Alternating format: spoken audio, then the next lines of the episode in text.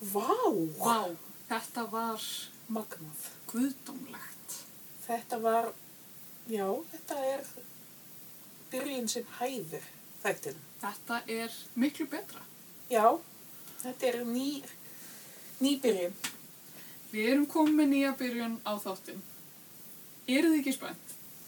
Jú. Ég er mjög Ég spennt. er mjög spennt. Býtu, heyrðu, já, við erum sem sagt Móa og Lóa, í frú, Barnaby. Barnaby. Og hvaða þáttur eru þetta? Þetta er, vorum við komið að þátt. Þetta er þátturinn þar sem við fræðum og miðlum. Vorum við búin að ákveða? Já, já, já. Tjók. Ah, Með eitthvað alveg að fara með mig. já, þetta er svona þegar maður fyrir að eldast. Já, það, það vill verða. Við erum hérna mættar í stúdíu Barnaby. Já, Á kvöldum, höst, degi, Já, regningarsömum þunglindislegum, þriðjudegi. já. Við erum farin að taka ég alltaf upp á þriðjudegum. Það er svolítið okkar dagur, Já. þriðjudags tilbúð með frú Barnaby. en nei, við erum ekki spólsað Nei, nei, því miður. af Dominos. Nei. Þeir eru náttúrulega kapitalistar við höfðu þá. Já. Uh, Og þeir nota eitthvað lif í pitsurnar sína nei, til að gera fólk hátt þeim. ok. Mattias til dæmis hefur talað um það. Er hann ofta að tala um þetta? Nei, en við vorum að tala um þetta síðast sko því að eitthvað, við lentum bæði í þessari gröfði, Dóminósgröfinni. já, kapitalista.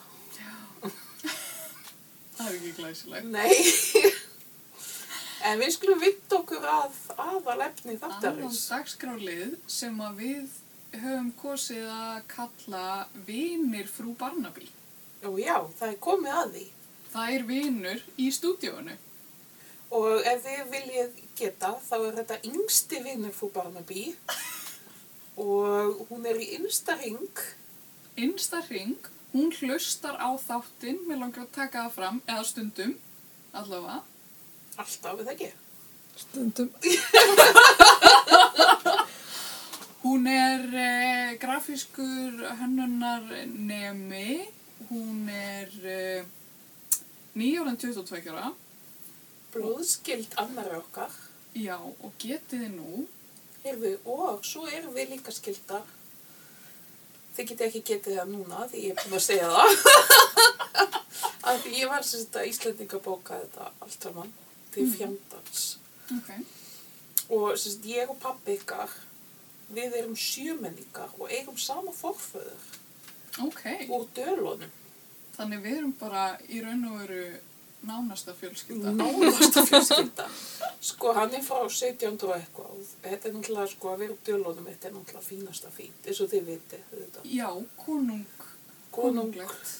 Er það Við ekki erum örgulega allar skildar Elisabethi. pottjætt? En spennandi. En já, við þurfum að fara...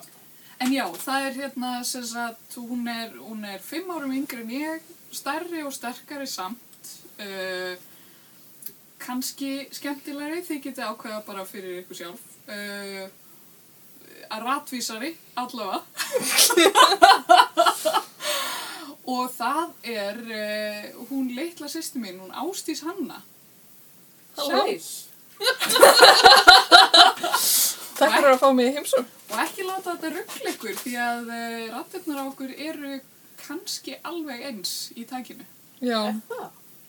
já, fólk alveg bendir ofta þetta að rattirnar okkar séu alveg eins og talandi. Ok.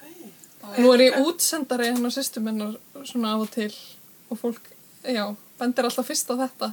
Það sé svolítið eins og auður sé mætt heim til þeirra þó hún sé á langanessi. Ok. Og ertu þá að ringja á í fyrirtæki fyrir sýstir? Það er meira svona að fólk ringir í mig til að komast inn í bílskunnunar eðar. já. Já, er gott og sér. fleira. Já. Siggi tengdapappi, hann sagði að hefði eiginlega verið creepy að hitta ástísi. Ok. Mm. Þó hann hann var að hitta hann á, sko. Það var eitthvað sérstaklega creepy þá, ég veit ekki hvað við verið að gera. Ég er alltaf svo Við erum að dulafull. dreifa á svakalega góðum drikk, finnst Já. mér. Mér finnst þetta gott. Hvað finnst þér ástís? Þú ert að fá þetta í fyrsta skipti. Já, ég veit það nú ekki alveg sko hvað mér finnst um þetta. Er þetta ekki seld? Nei, en þetta er já, Bloody Mary. Þess að hefur kannski ekki, Lúðuga Marja. á mjög vel við í þessu Mm. tætti. Já. en ég er mikil tómatósu kona. Samt sem áður sko, þannig ég er svona svolítið tímt í þessu. Mér ætti örgulega að finnast þetta gott. Ég myndi í þínu spórum klára drikkin og ákveða svo uh, hvað þið finnst. Bara svona, þetta er nefnilega kannski skrítið aðeins fyrst en svo finnst mér þetta vinna á, sko. Já, Sko í sumum löndum, ég held aðalega Ameríku, þá er þetta svona, svona þingudrykkur. mm, Svona rétta sig af drykkur. já, Ég veist þetta líka. mikið til í því. Þetta er matur og drikkur í einum hlut Já. í heila. Mm -hmm. Einmitt. Ég verð að segja, mér finnst það mjög vel blandaður. Takk. en hver er þessi blóðu að Marja? Er það ekki, er það ekki skotadrottning? Ég sko, ég þurfti að fletta þessu upp áðan af því ég var svo áhugasum allt í einu og þetta er víst Mary Tudor. Já, Mary Queen of Scots. Er, er það hinn eina, eina sanna? Já. Er það sama? Já. Þetta er allavega, jú, þetta Nema- er, já. jú, þetta er hún já. út af því að hún er dóttir hann að Henry 8. Já, já. og, og hún var drottning og var endalust að berjast gegn uh, þessum síðaskiptum hann í, Já, já, já, af því að hún var katholsk. já, Já. já, þetta passar Já. Mary Queen of Scots Mm. og hérna og hún á að hafa drepið alveg fullt af fólki og þess vegna hún kallið þetta Heldur að hún hafi gert það sjálf, sko. ekki kannski með berum höndum Nei, ég held að sko hún þurfti til dæmis að sitja í fangilsi í, já, í mörg á, sko. Það er Skemmtilegt að þetta skulle koma upp vegna þess að dótti mín leik í svona Mary Queen of Scots söngleik í Nei. skoska skólanum sínu og þar leik hún svona fréttakonu og þess tíma Já, já, eða svona, hún leik svona nútíma fréttakonu og það sem var kannski mest aðdeglisvert fannst okkur fóröldrunum eins og þið viti kannski þá finnst fóröldrunum alltaf sínböld vera flottust og bestust já, eða Ísold náttúrulega bar af en hún var eitthvað svo skosk ó og þá vorum við bara ok, já, heyrðu, hún er bara aðrið skosk Ó. talaði bara að hana með skosku en já, þetta var að fyndi já emmitt en hérna en eh, ég sem sagt googlaði þetta aðeins svo og hérna komst að því að, að hérna Bloody Mary hefur japanskan svona tvíbura sem heitir Hanoko-san Já, Nei. og þetta er hún jú, það og Hanoko-san þýðir sko hérna eitthvað Hanoko á klósettinu Nei. Já. Eða, eða þetta er sko, sem sagt, út frá þessu Bloody Mary, hann að maður á að ganga upp stegan aftur á bak með speil og þetta er leikur.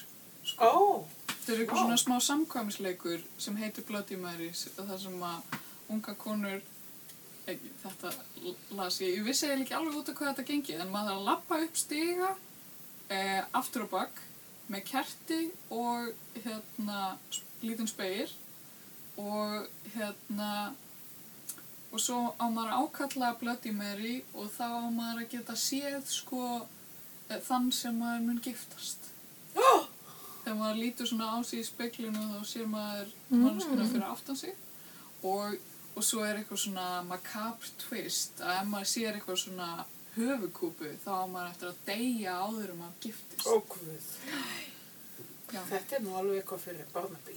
Já, guð, hvað er þetta aksjón? Ég segi það Það er eitthvað samþátturinn. Já. Hann á eftir að koma. Já. Hann okkur verðist vera svona aðeins svona krútlegri samt. Já, Já, svolítið. hljómar. Já. Og hún er með svona lítinn loðinn vin sem hún heldur á þetta Mm, því hún er japansk. eins og það er eiga til. Já. En segðu mér ástís, nú ert þú eh, annar gestur frú Barnaby Hvilgur heiður. og hérna við ætlum bara að byrja kannski á því að spyrja þig hvort þú hafi tekið eh, persónleika prófið. Já, það hef ég. Og ég fekk réttar meinafræðingin. Já.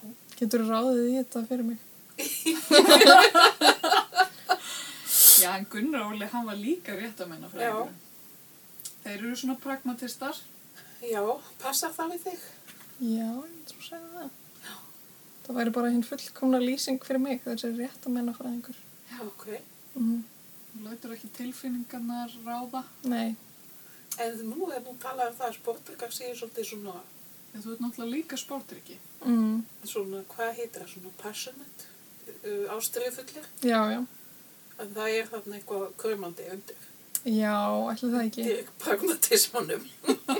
Þetta er alveg tvískipt. Ég myndi segja að í vissum tilfellum væri ég mjög svona, já, mikill pragmatisti. En, já, svo er ég mjög tilfinningarík þó ég kannski geri það sem er réttast. Ah, ok, já. Um, já, stundum geri ég bara það sem ég langar ekki að gera. Mhm. Og þetta er bara svona helbri blanda. Já, eða hvað? Sko, nú segir bleikt.is að sportryggar séu eh, margir, nei, að margir morðingar séu sportryggar. að sportryggar eru náttúrulega ekki allir morðingar. Það, það er ekki. Er það ekki? Eh, ég, ég veit ekki hvort þetta er mutually exclusive. Nei, ég ætla að segja ykkur það. Ég er alltaf ekki morðingi og eiginlega þverjöfugt. Já, það er eiginlega uh, flestir bara þurrugt við það, ef maður pælir í því. Já, ég er nú græmmiðsæta. Mm. Þannig að það er svona, kannski það næsta. Já, er þetta ekki, hérna, vegan útgáðan af blóðugur Marja? Jú, Mm. þetta var nefnilega frekar sjokkrandi að við komumst að því að, að Bloody Mary er ekki vegan drikkur. Af því það eru ansjósur í einhverju sósu sem að maður setur. Mm. Hérna, já, ok. Ansjósur í sósu. Ansósur.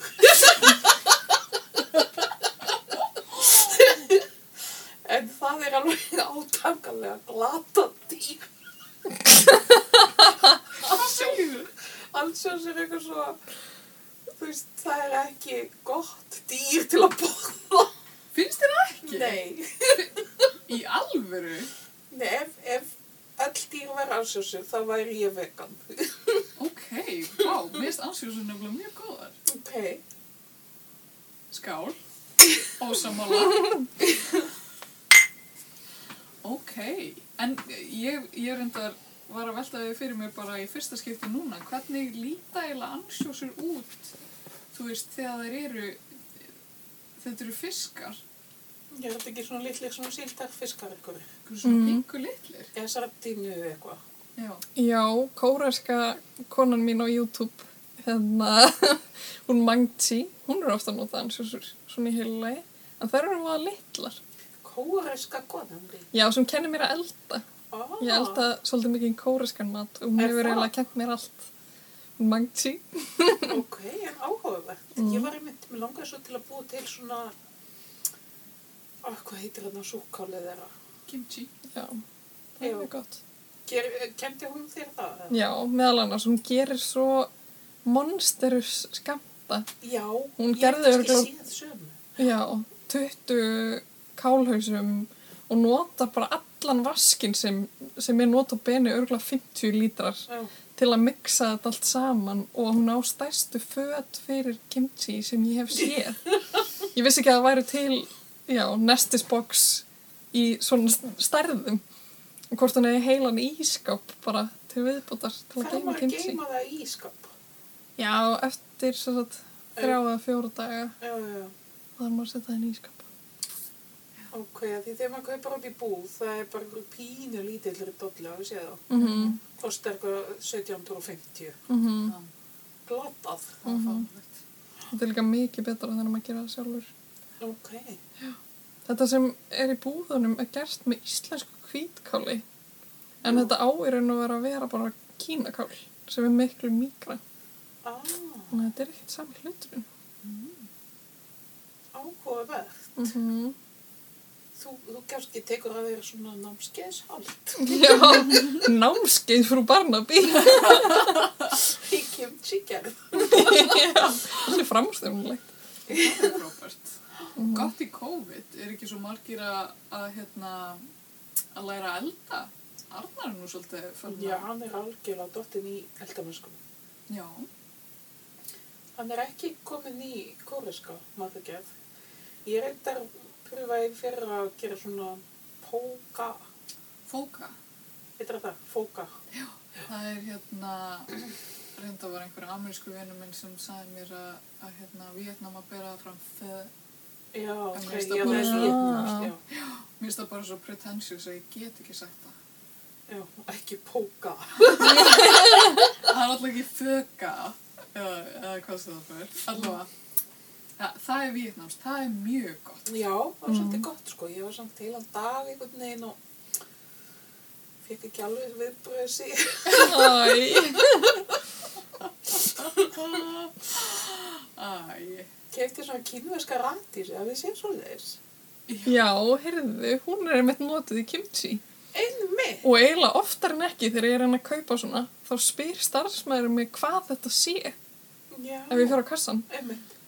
en þetta heitir kína reðka Á Íslands? já, Ok, og það er ekki von að starfsfólki finna þetta ekki að þetta heitir svo skrýtna námi já. Og En er þetta yfirleitt- fæst í komunni? já, og bara nánast alls þaðar bara Nú, ok. já, þetta er svo Þetta stór er ekki product placement á Kína refgöku.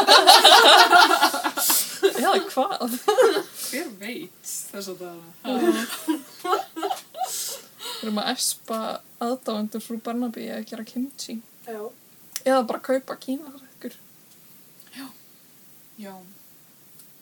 Hvað hérna... Nú veldi ég fyrir mér að því þú ert yngsti hlustandi. Ég held að við getum alveg fullir það að þú ert yngsti hlustandi frú Barnaby. mm. Eh, mér langar svolítið að spurja þig svona eh, sem, sem fulltrúi unga fólksins, hvað, eh, hva, hvað þurfum við að gera til þess að höfða meira til ungs fólks? þegar stórt er spurt ég held að frú Barnaby ætti að fara í samstarf við íslenska rappara nei. og láta þá sko rappa mismunandi sögur úr Barnaby heiminum til að ná til fleiri hlustenda Má, hvernig góður Oh my god. eða ég vil bara að þið myndu taka að ykkur að semja þessi lög Að rappa? já, eða bara Gamalt fólk syngja að rappa er mesta stórslis allra Já. tíma. Það verður bara að segja þessu. já, þið þurfið ekki að rappa þið myndu bara gera ímislegt annað eða vera með upplæstur svolítið dramatískan upplæstur Já. gera ljóð út frá sögufræðum frú, nei, eða frá Barnaby Myndi það höfða til ungra ljóð? Kanski. Ef þetta væri svona komist. Það er að koma aftur. Ljóðið. Já, ljóð er að koma aftur. Já. Komisk ljóð? Já, stutt og hnýtt með það. Ok. Vinnum hennan Patrikur gerir stundum skrýtlur.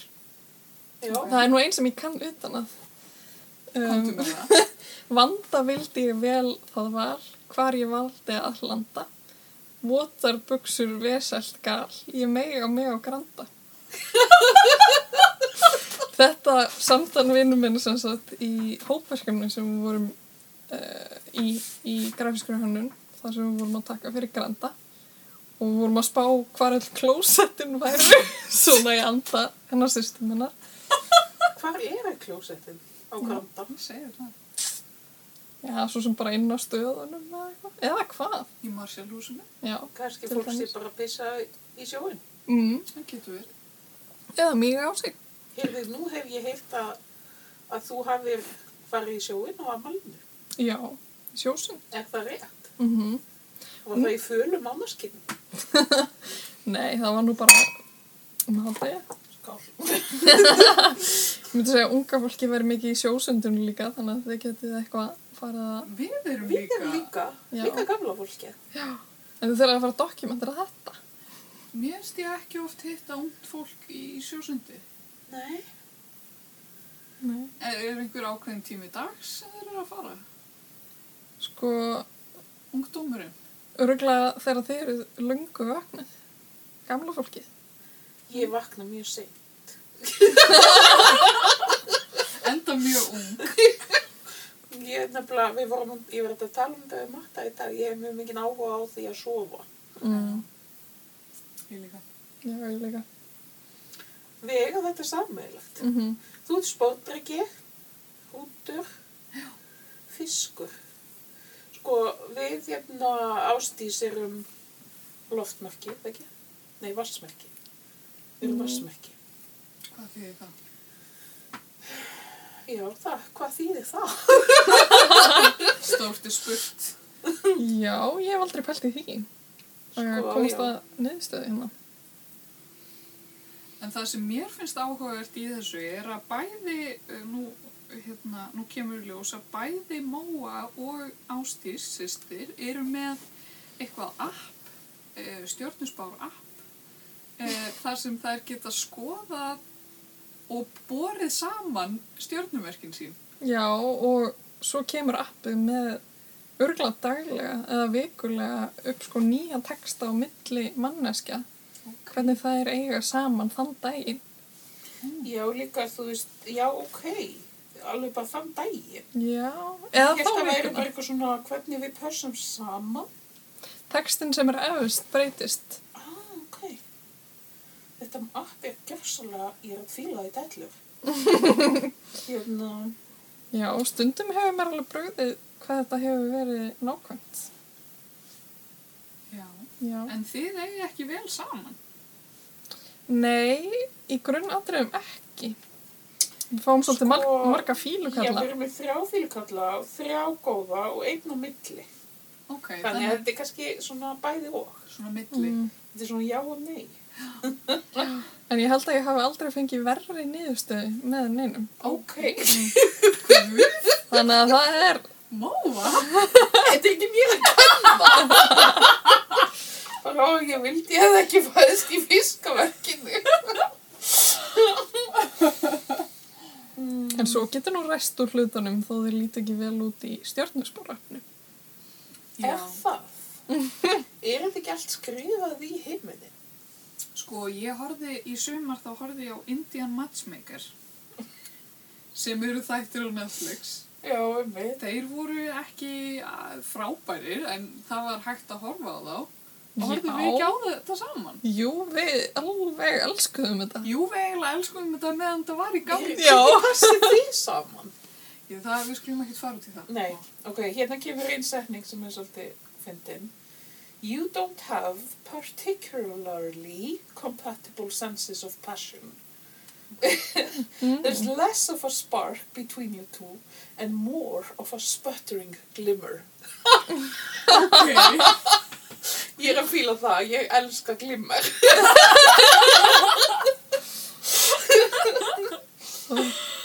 Ah. Svo það er bara allt í góðu. Já, þannig það er ekki svo slæmt. Ok. Um, Ástís er ekki að hérna- fara að myrða þig. sem Nei, sagt. nei, nei. Nei. Þetta er hún búin að segja þú veist, vera algjör andstæða þess. Já, já. já. Hver veit hverju ég tek upp á í framtíð. Þetta er líka einmitt eitthvað sem morðingjar segja. Já, ég er ekki morðingin. Þú Já. veist, típist. Segja það í Barnaby. Já. það? Koma svolítið af fjöllum, sko.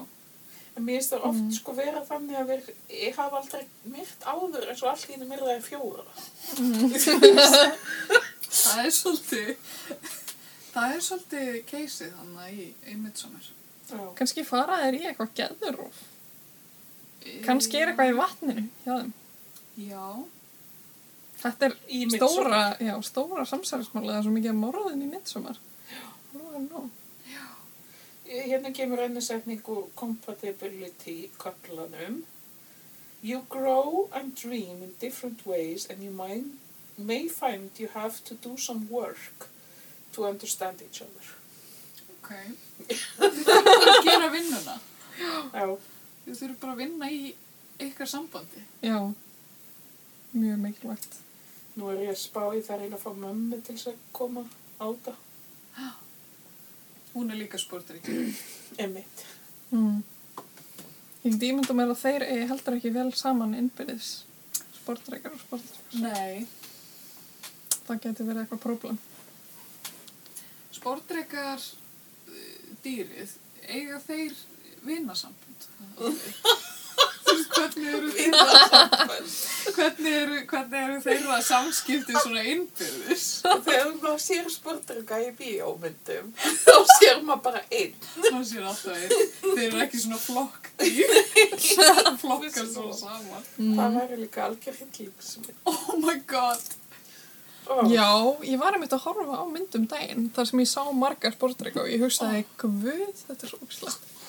Hvað var mynd á það? Hún heitir The Craft um þrjár eða fjórar ungar nornir Já, já, já. sem kom út 90 og eitthvað. Já, já, já. Þetta er alveg skrítin mynd en nákvæmlega það sem ég var í skapi fyrir. En Okay. það kemur eitt atrið þar sem eru alls konar pöttur og svo eru bara fullur og askur af sportdrykkum Og, sem jú, er alveg ógeðslegt. og hvar var þetta? Í hvaða landi? Um bandrykkunum. Allt er í Ameríku. Mm. En það voru galdrar, engar ákjur. Þetta Ok, gerist ekki þetta- alveg. Þetta voru gerfi. Það voru ekki alveg nornir. en jú, ætla þetta hafi ekki verið alveg sportrekkar. Æ, það hefur nú ekki verið gott að taka það upp. Nei. en, en nú settum við þér fyrir þátt af myndsomur til að horfa og þar var einmitt galdramæður. Mm. En eins og unga fólki gerir í dag, þá vannrækir það yfirleitt svona því sem það er sett fyrir. Eða það sem það er sett fyrir. Og ég horfði ekki á þáttinn. En ég hef um alls konar Það er annað. svo svo lítið breyst. Já, Skeitingsleysi. Ungdómsins. Það er umt að leikur sér. Já. Þið eru fyrirgefið af því þú ert nú yngsti hlustandi frú Barnaby. Mm. Þá, Og sá fegursti. já, Og... Taratatam. litli flautuleikarin. Í upphaf stefi frú Barnaby. já. Erum við að trúa þessu? Hún er hér í stúdíu Barnaby.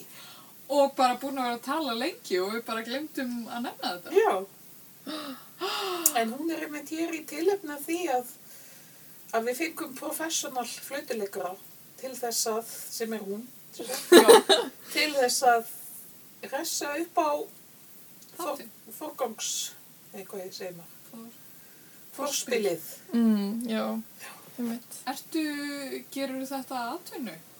Að taka upp uh, sjónvarpstef og spila þau? Nei, ég geri þetta almennt ekki.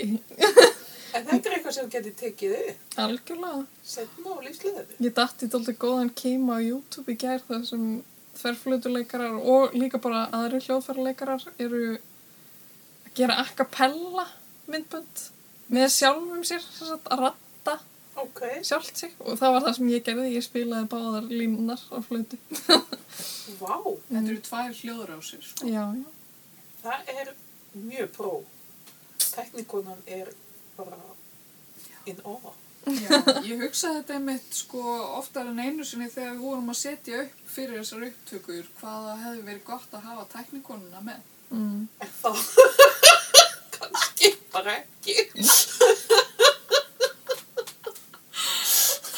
Svona til hals og traust. Já, Já, en minn ferill í flutuleik er náttúrulega langur. Já, hann er nokkuð langur. Ég hef verið 6 eða 7 ára þegar ég byrjaði að spila flutu.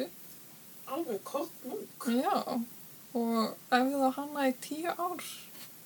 Hætti síðan í smá og tók upp, já, blutuna aftur í fyrra og hef bara, já, verið að spila síðan. Tróði upp í minu eigin ammæli fyrir þrejum dögum, til Ó. dæmis. spilaður ammælislega fyrir sjálfa þig? Nei, því miður. Midsommar. Ég tók hérna... Jú, heyrðu, það var óskalag. Nú, Já, vinkonu mín baðum að heyra mitt sumarleið. býtti, var einhver annar ungur aðdándi það nú? Geta verið? Hún bara vissi að ég hefði verið að vinna í þessu, sko. Ah, ok. Okay, okay. En það er kannski spurning um að við náum þannig til unga fólksins að við séum með, þú veist, svona ungan innleikara. Mm. Jú, Vandamáli verandi að þverfluta er svolítið íhaldsamt hljóðfæri, myndi ég segja. já. Já. Þú hefði kannski frekar átt að beatboxa. Já, til dæmis. Fyrst er það, eru öll hljóðfæri í hálsum eða er það sérstaklega í hálsum? Þverfluta er almennt mjög klassist hljóðfæri og ekki mikið verið að víkja frá því. Svona ekki mikið að tjassi eða neina svoleiðis. Og aldrei séð neitt þverflutuleikar að gera neitt svona þessi sérstaklega spennandi. Ok, Jethro Tull, það er Já, eina hljómsveitin heyrðu. sem er dættur við Rindar. með, hefur þú farið á tónleika með honum? Nei. Nei og svo er líka í anda unga fólksins hérna Lizzo sem gerir öll hittaralögin þess dagana. Hún spilar á þörflutu og lærði örgulega í 15 ára eða eitthvað. Fór í skóla og lærði þörflutu. En núna er hún, já, að gera bara pop. En næra bland þörflutunum fyrir eitthvað vel inn í. Þannig að já, ég tek þetta tilbaka. Ok. Ok, Mm. við vorum einmitt með annað hljóðfæri í fyrsta fórspilin okkar. Það er kannski enda á íhaldsamara. Já, Harpan. Já. Hún er samt, hún er alveg að finna í, í popinu sko. Það er, ja, það er hægt að finna hörpuna í popinu. Mm. En poppið í hörpunni. Það er annu spurning. Tæpast af aðeins. Já, já.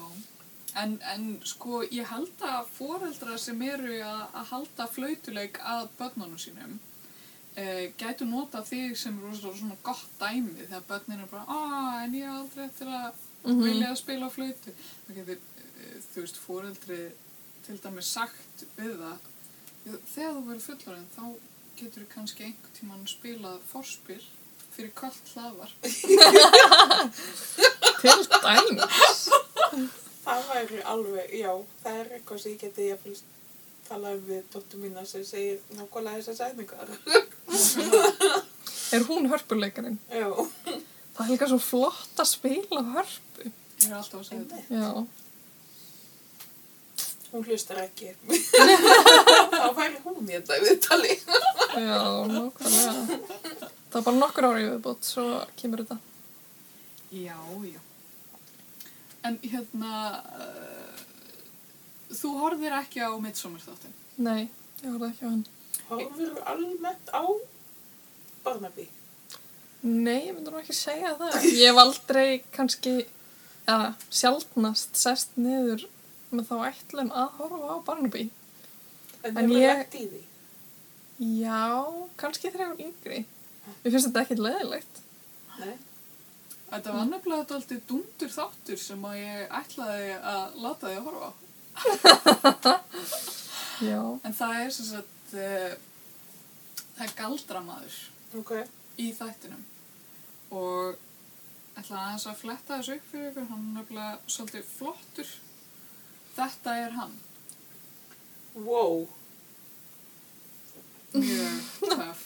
Hann er sko með eyeliner, hann er svona Goth. Já, svona goth. Uh, það var eitthvað svona, kannski, kannski var Barnaby með þessum þætti að reyna að hafa það til unga fólksins. Mm. Já, er það ekki svolítið eitthvað að reyna það? Jú, ég held það. En, en þarna var svolítið að ungu fólki í þessum þætti, sko, og, og meðal annars eh, unga konan sem að þátturinn byrjar á að, að drepa. Hún er aðstofakona galdramannsins og það er eitthvað svona þungt sem dettur ón á hana. Hún er eitthvað upp á sviði Já. Og þau eru hérna, þau eru sem sagt að performera í kirkju, galdraatrið, Ok. e, til styrtar kirkjunni eh, ábyggilega. Galdraðrið til styrta kirkjunni. Já, Ég heiti bara svona, Og, og sko einmitt samfélagi sko þarna í þessum litlu bæ skiptist 50-50, þeir sem eru með og þeir sem eru á móti galdramanninum. Já, ok. Af því galdramaðurinn, eh, hérna ungi, hann er búinn að ákveða, að hann er, eða hann er búinn að kaupa sér hús eða eitthvað hann í þessum bæ.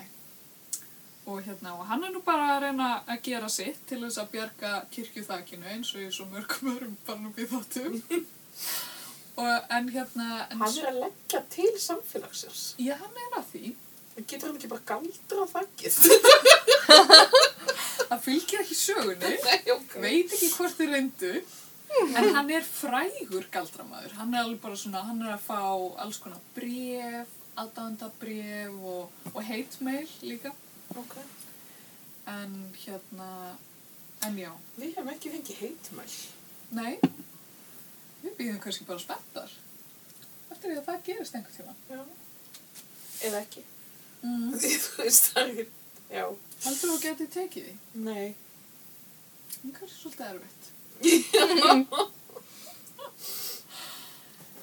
Já, en, en já, sem sagt þessi, þetta er alveg arfaslagu þáttur, verði ég að segja. Ok, já. Þannig er eiginlega alveg fárunlegur og það er, það er margt í þessu, það, er, það eru alls konar svona recurring motives sem að koma. Það er þarna kirkjuþakið, það er, það er, eh, hérna, það eru satanistar, Já, heyrðu, það er nú svolítið af þeim í samfélaginu okkar í dag. mikið, mikið af köldum og, og svona satanistum. Satanistum.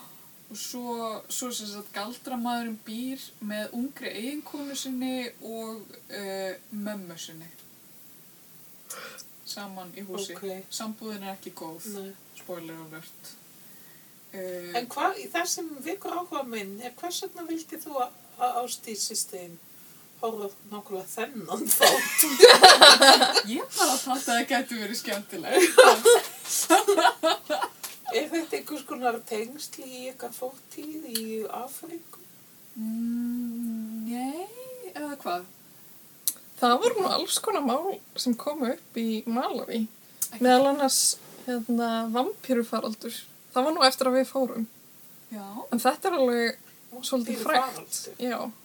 Ég man ekki hvort ég hef hort á BBC þáttum þetta. En það er rosa mikil hjátrú í Malawi. Mm. Og ef einhverjum gegnast vel, þá er það talið út af göldurum og hann er stundum myrtur. Eða eitthvað Út, svoleiðis. út úr. Oh Já. my god. Og núna er þess að það að það er hægt að galdra með inniblum fólks eða eitthvað slíkt. Og það er morðfaraldur sem geysar í Malawi. Núna? Já, það, það er nú ekki langt síðan, 2015 eða eitthvað svoleiðis. Jésús minn. Já, þetta er dálítið creepy. Hann er góður. Það er svona morðfaraldur sem geysar þar sem innublum fólks er stólið og já, þetta er selt hjá galdramanni og alls konar en það er svona, þessu er kent um það sem er vampýrur í landinu og þú mátt ekki vera úti eftir þennan sólsetur að því að þá getur þau orðið fyrir þessum vampýrum sem stela innublumæðinum Það er stilaði, þú eru þér inneflánum. Já, Það Það er er ekki í svoleiðis. blóðinu. Já, ok, þe- við erum ekki einu sinni að fara með fleipur hér. Þetta er bara að gerast. já, Vá. eða var allavega svolítið mál En hvernig er það voruð þið eitthvað út á kvöldin í Malawi? kannski bara út í garði Já, bara út í garði sko. En það er skemmtilegt að segja frá því að garðurinn okkar í Malawi er, já, ennþá var svipaður og hann var þegar við byggum þar, nema hvað við fórum í heimsókn í fyrra og löpum framhjá og sáum að það stóð Coffee Hill Spa and Cafe. Coffee Hill Já. Spa and Café. Já, það það var- er líka gott kombo. Já, Nafn. Já. já. Coffee Hill. Það er Og- gott. Húsið okkar er sem sagt inn í, já, það er girt af, Þetta er svona, heitir compound. já, í raun og veru. Ég það er- skil, já.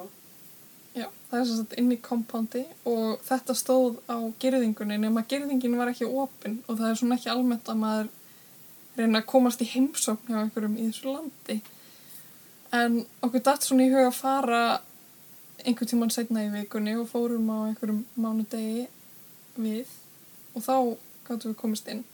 Og kemur í ljós að það sem var bílskurinn okkar er núna spa og þar sem var borðstofan okkar er núna móttaka fyrir kaffihúsið og kaffihúsið er svona svolítið staðsett bara á verundinni Já. og það er alls konar, svo eru krakkar í karate í garðinum já og líka það að þetta er ekki nóg með bara kaffihús heldur líka víetnamskur veitingastæður Ha? já, Þetta er bara menningar miðstöð. já, algjörlega Var það svona rosalega stórt hús eða?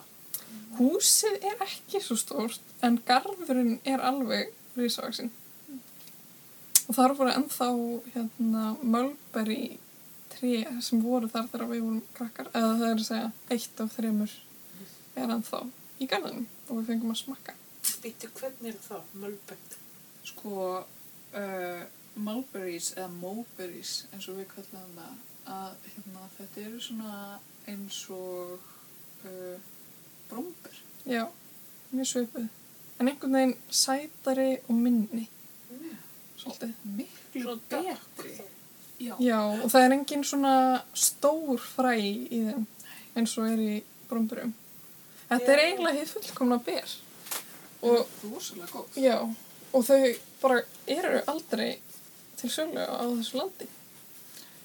Á Íslandi. Mm -hmm.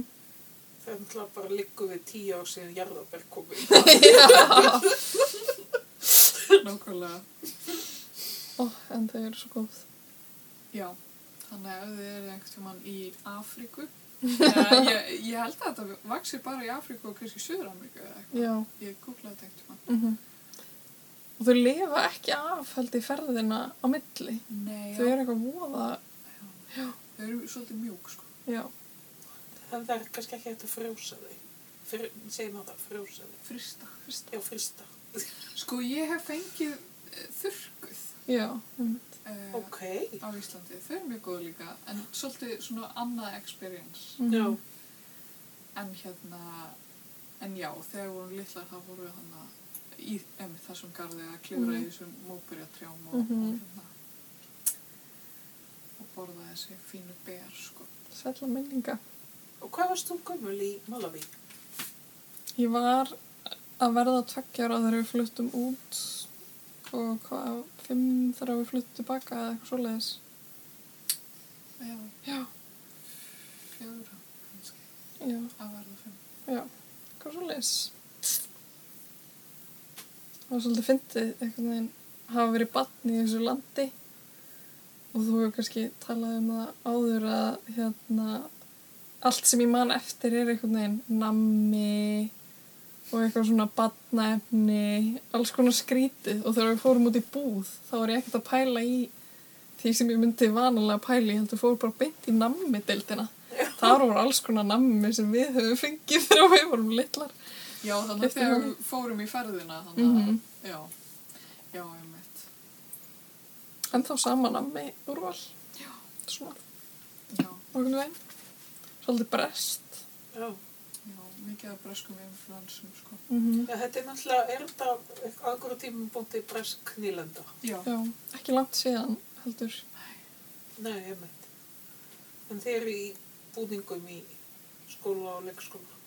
ekki sko. leikskóla ekki leikskóla, Nei. en í skólanum mm Mhm. og skólinn sem að ég var í var svona breskur, eða þú veist, hann var alþjóðlegur, en Já. þetta var rosa svona british-centric. Já, já. Og við eh, tölum báðar ennsku með breskum hreim, sko, já.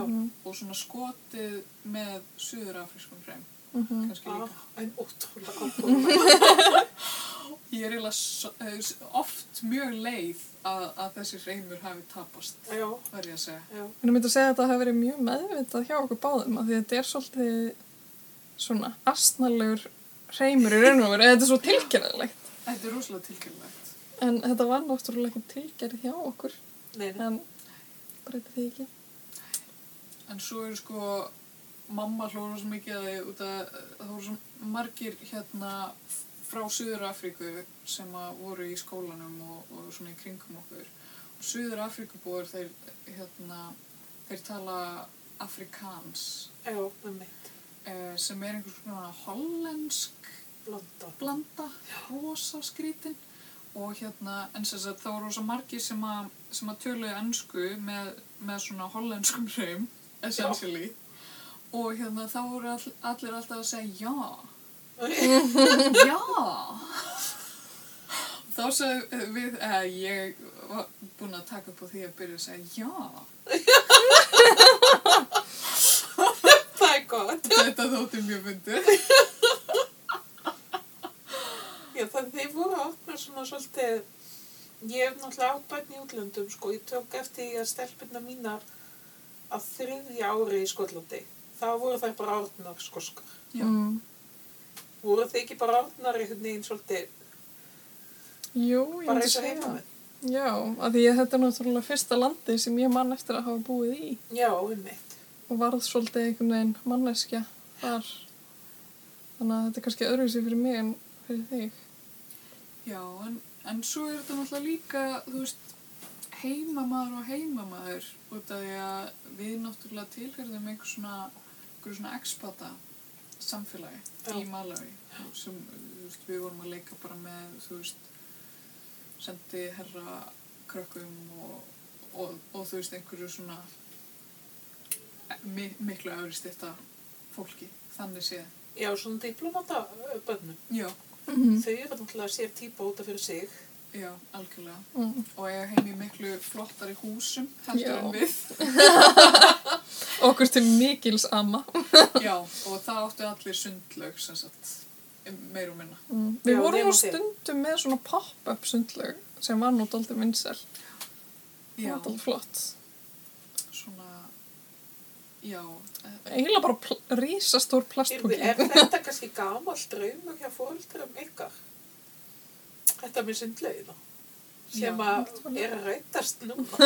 já. með, með nýjum heitum potti. Já. sko, Skulum nú ekki vera að auglýsa þetta. Nei, guð. Nei, guð. Var allir svo afbreyðið frá mér. Fólk getur farið að ásælast þetta. Já. Er En já, það það er nú- þangað Eftir sjósund. Já, það er farið þangað. Stundum. Mm. En já, til að tala aðeins meir um Malawi, þá minnist mamma okkar alltaf á eh, það augnablik þar sem hún áttaði sig á því að barnið hennar væri orðin, já, einhvers allt annars þjóðurnis. Var þegar við vorum út í búð og hún kefti handa með vaksliti.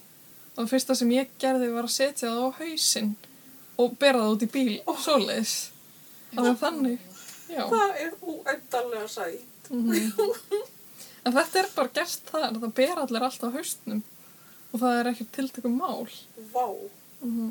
Og jafnvel hjólandi með eitthvað aftan á hjólinu og líka sko örgulega 30 pluss kílóa póka á haustnum.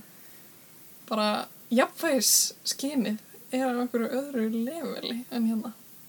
Já, og einmitt. Þetta er eitthvað sem að í rauninni við getum en við erum ekkert að þjálfa upp. Nei, Nei, hérna, nei. á Norrkölu. Ég leiði mér að halda að það sé erfitt að gera það á Íslandi út á rókinu.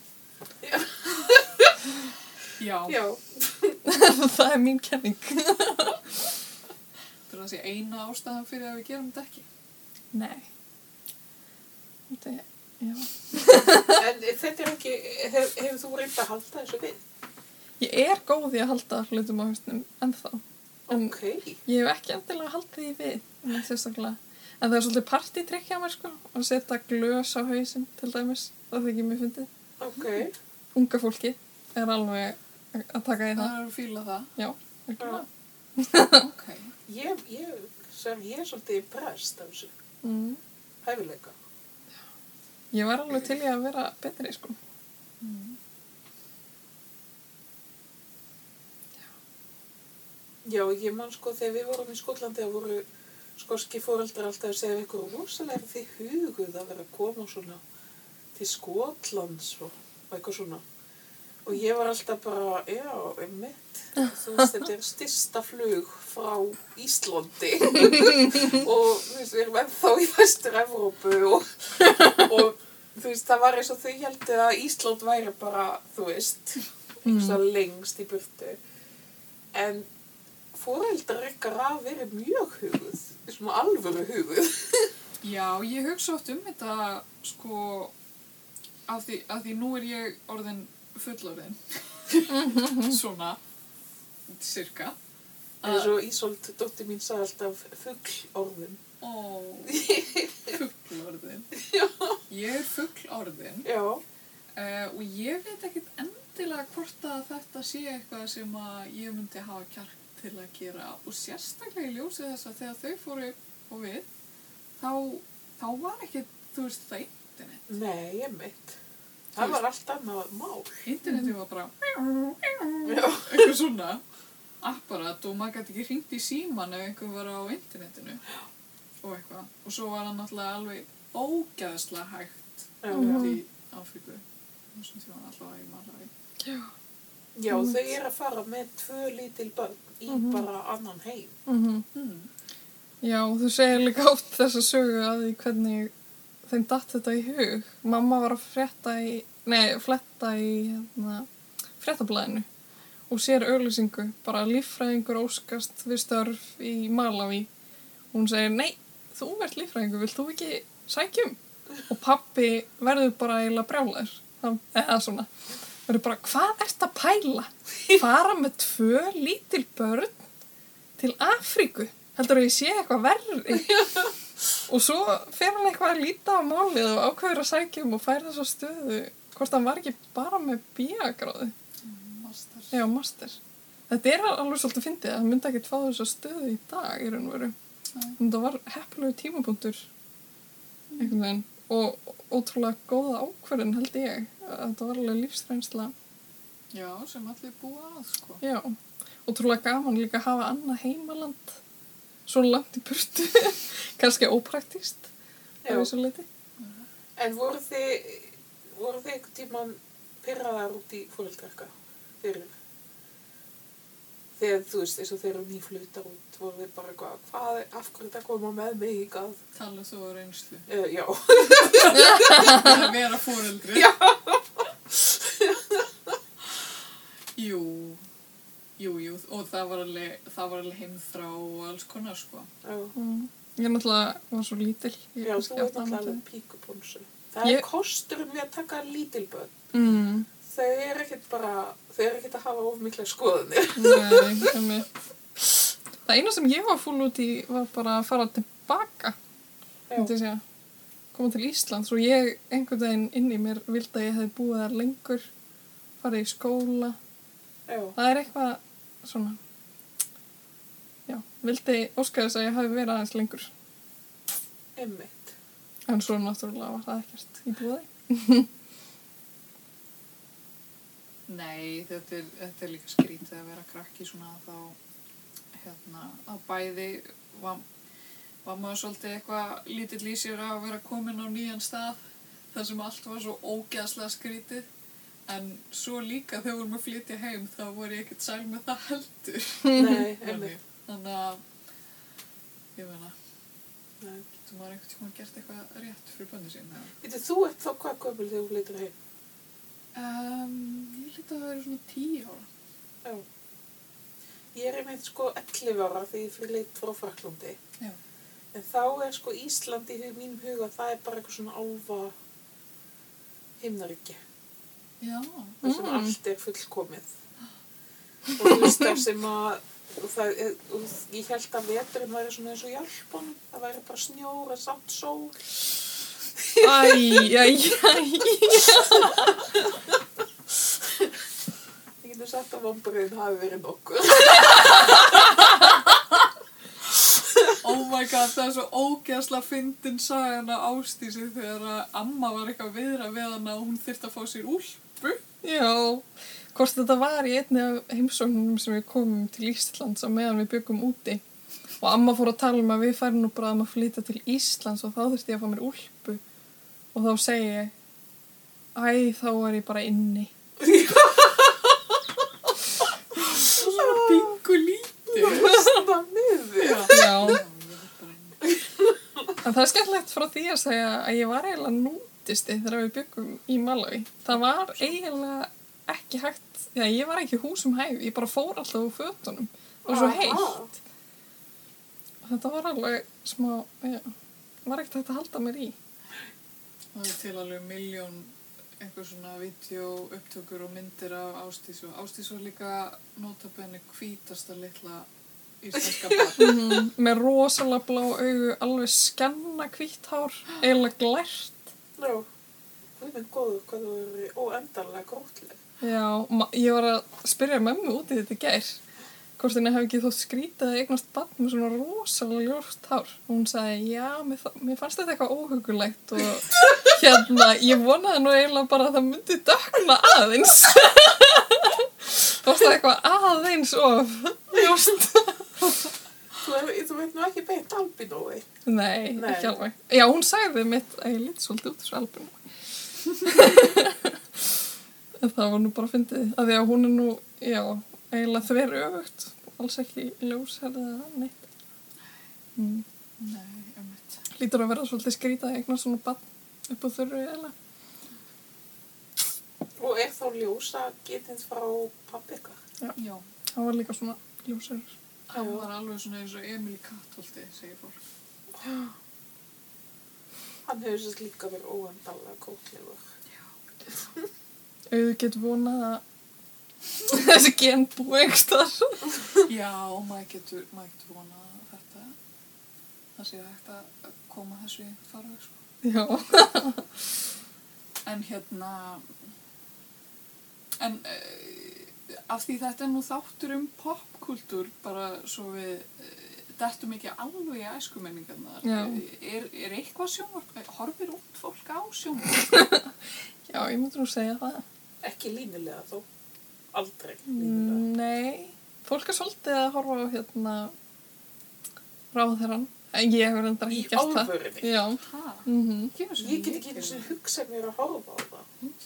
Og ég er, þú veist, af þeim kynslu sem horfir á það. Við erum cool mhm. með að við. Greinilega. er það að horfa á það? Já, ótrúlega satt. Ok.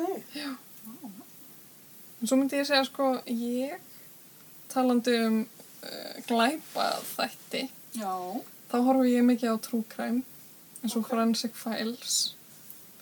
Þá er verið að rekja sögur morða sem gerist í alvörni. Mm. Hvernig uh, morðingin var fundin. Og hlustar það kannski á svona hlaðvarp.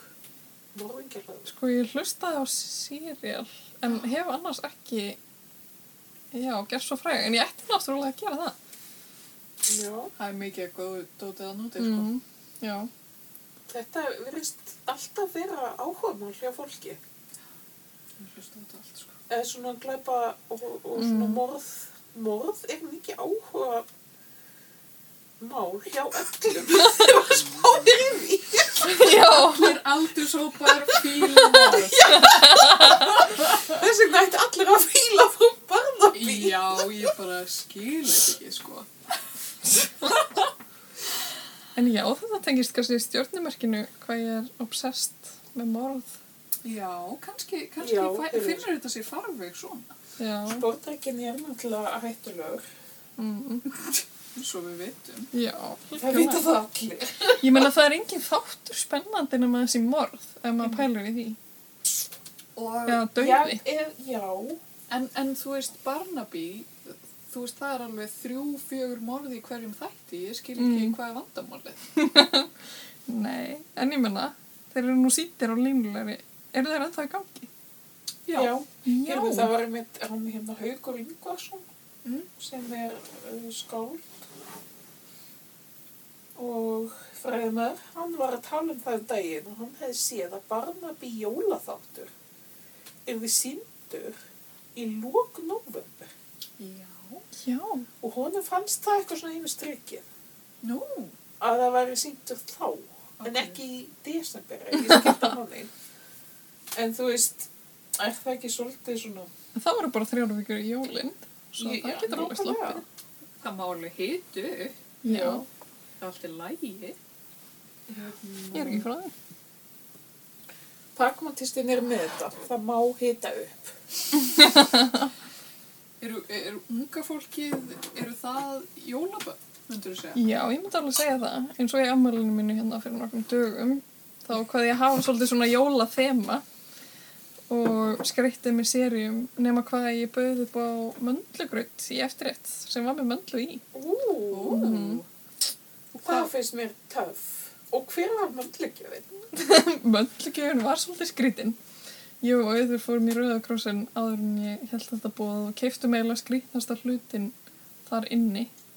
Svo var þess að myndarami með síðan mynd af þremur litlum stelpum í svartkvítu og þeir voru allar svona svolítið drungalegar og þeir standa í kringum grænt jólatri og jólatrið er það eina sem er einhvern veginn litin. Nú Halloween jól bara. Já, í raun og veru. Það var svolítið creepy. Já, Svolítið óþægilegt. emmitt. Og hvað, hver er, já, emmitt, já, ég er svolítið svona, Og, fekk pínu gæsa hún þetta. og hver fekk gjöfuna? Hún heitir Anna, vinkona mín. Hún sagðist aldrei hafa fengið gjöfun áður, svo ég held að þetta hafi verið hinn sanni jólaandi.